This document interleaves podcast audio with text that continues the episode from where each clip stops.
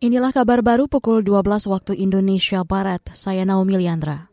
Presiden Joko Widodo memastikan relokasi rumah terdampak gempa Cianjur dimulai hari ini.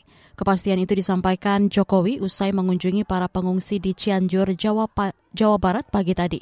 Ya, pengungsi tadi semuanya kita lihat sehat, tetapi yang paling banyak memang ingin agar segera pembangunan rumahnya dimulai. Oleh sebab itu, pagi hari ini saya ke sini untuk memastikan bahwa pertama, yang relokasi hari ini dimulai pembangunannya. Hari ini relokasi dimulai pembangunannya. Presiden Jokowi mengatakan pembangunan rumah bisa memakan waktu lama karena jumlahnya mencapai 56 ribu unit. Kata dia tidak ada batasan waktu untuk proses relokasi.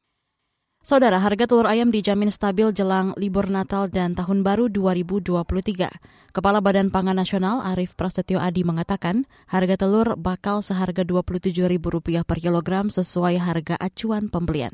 Saat ini harga di tingkat konsumen masih berkisar Rp30.000 per kilogram itu sudah bisa mengakomodir keuntungan di tingkat petani, ya, keuntungan di farm gate, keuntungan di pedagang, dan konsumen ini bisa mendapatkan harga yang baik. Ya, harganya itu 27.000 ya untuk telur. Untuk ayam 36.500 ya, itu harga acuannya.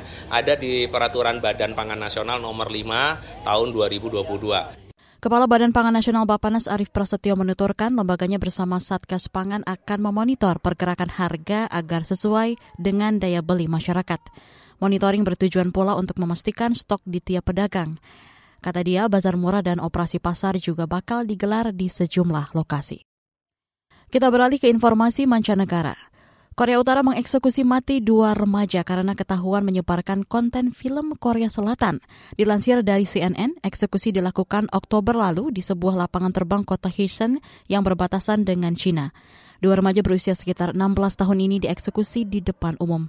Berdasarkan laporan Radio Free Asia, keduanya ditempatkan di sebuah landasan lalu ditembak hingga tewas.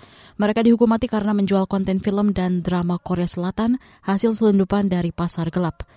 Pada akhir 2022, pemimpin Korea Utara Kim Jong-un mengesahkan undang-undang yang memperketat hukuman bagi warga yang ketahuan mengkonsumsi budaya Korea Selatan. Demikian kabar baru, saya Naomi Liandra undur diri.